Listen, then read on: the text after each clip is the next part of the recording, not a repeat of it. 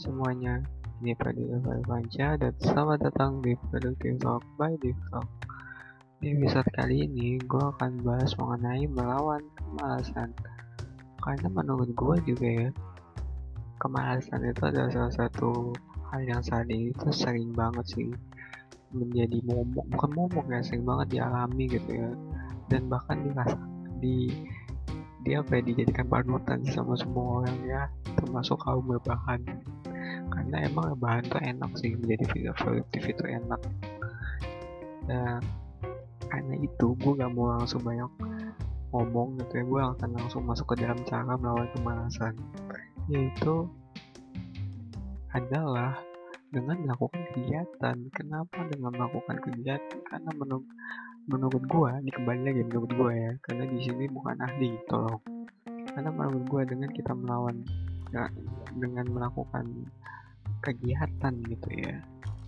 Itu tuh malah membuat diri kita itu mampu yang namanya melakukan kegiatan yang lebih besar juga gitu loh. Kayak misalnya deh contoh lo pengen nugas gitu ceritanya lo pengen nugas. Nah saat lo mau nugas itu lo kan pasti malas nih kayak aduh males banget gue nggak tahu tuh mau nulis apa ngetik apa gitu dan kalau itu diikutin ya pasti ujungnya aduh gue masih bingung gue masih males begini begini begini gitu.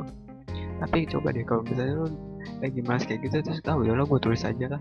Bahkan kayak kata apa gitu permulaannya kayak bab satu atau mungkin misalnya kata-kata kayak uh, contohnya makalah gitu ya latar belakang nanti kayak kepikiran sendiri tuh banyak tuh kayak ide-ide buat nulis macam oh iya ini begini ya oh ya begitu ya ini referensi dari ahli begini ya gue cari dulu deh ini ini nih karena emang menurut gue kalau kita emang udah fokus ngelakuin sesuatu tuh gitu ya sekecil apa itu tuh bikin kita juga semua perhari apa ya perhatiannya teralihkan ke sana gitu yang tadinya mungkin lo mikirin acara baru di Netflix gitu terus kayak fokus ke tugas gitu loh. Terus kayak lo mungkin mikirin siapa bias lo yang bakal menang di kompetisi Korea ya misalkan mama lah atau soda atau apalah itu. Terus kayak lo yang tadinya mikir ke sana gitu kan lo jadi fokus ke tugas. Terus juga atau misalnya kayak lo uh, apa ya mau bikin fancam soal aktor atau aktris ini tapi bingung gitu kan. Kayak keren yang kerenan mana gitu lo ngeliat di Twitter terus kayak lo lagi ngerjain tugas ya fokusnya ke situ gitu.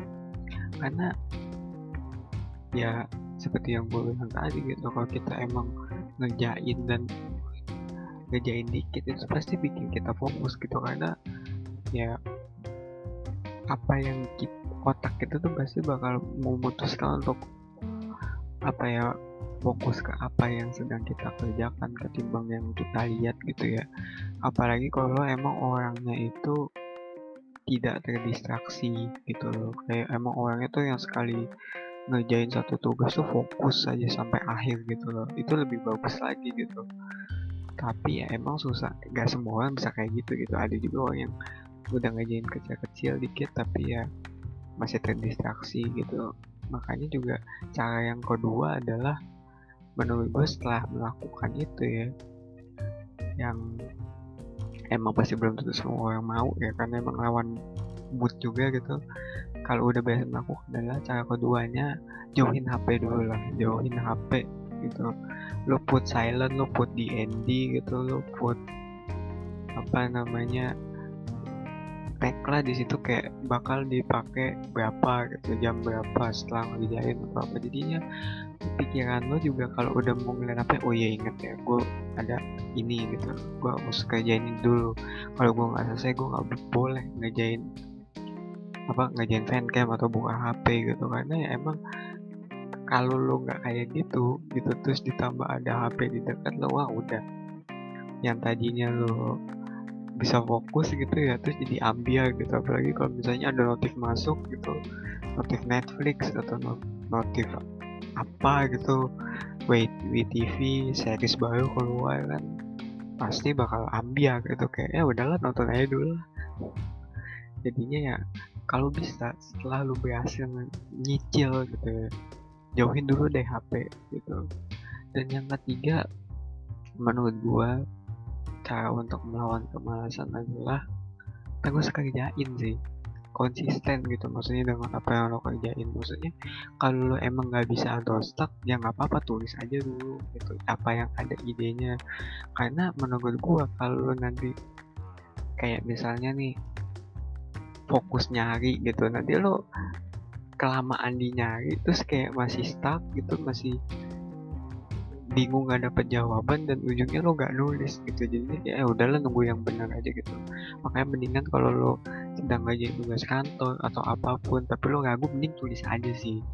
Tulis aja dulu.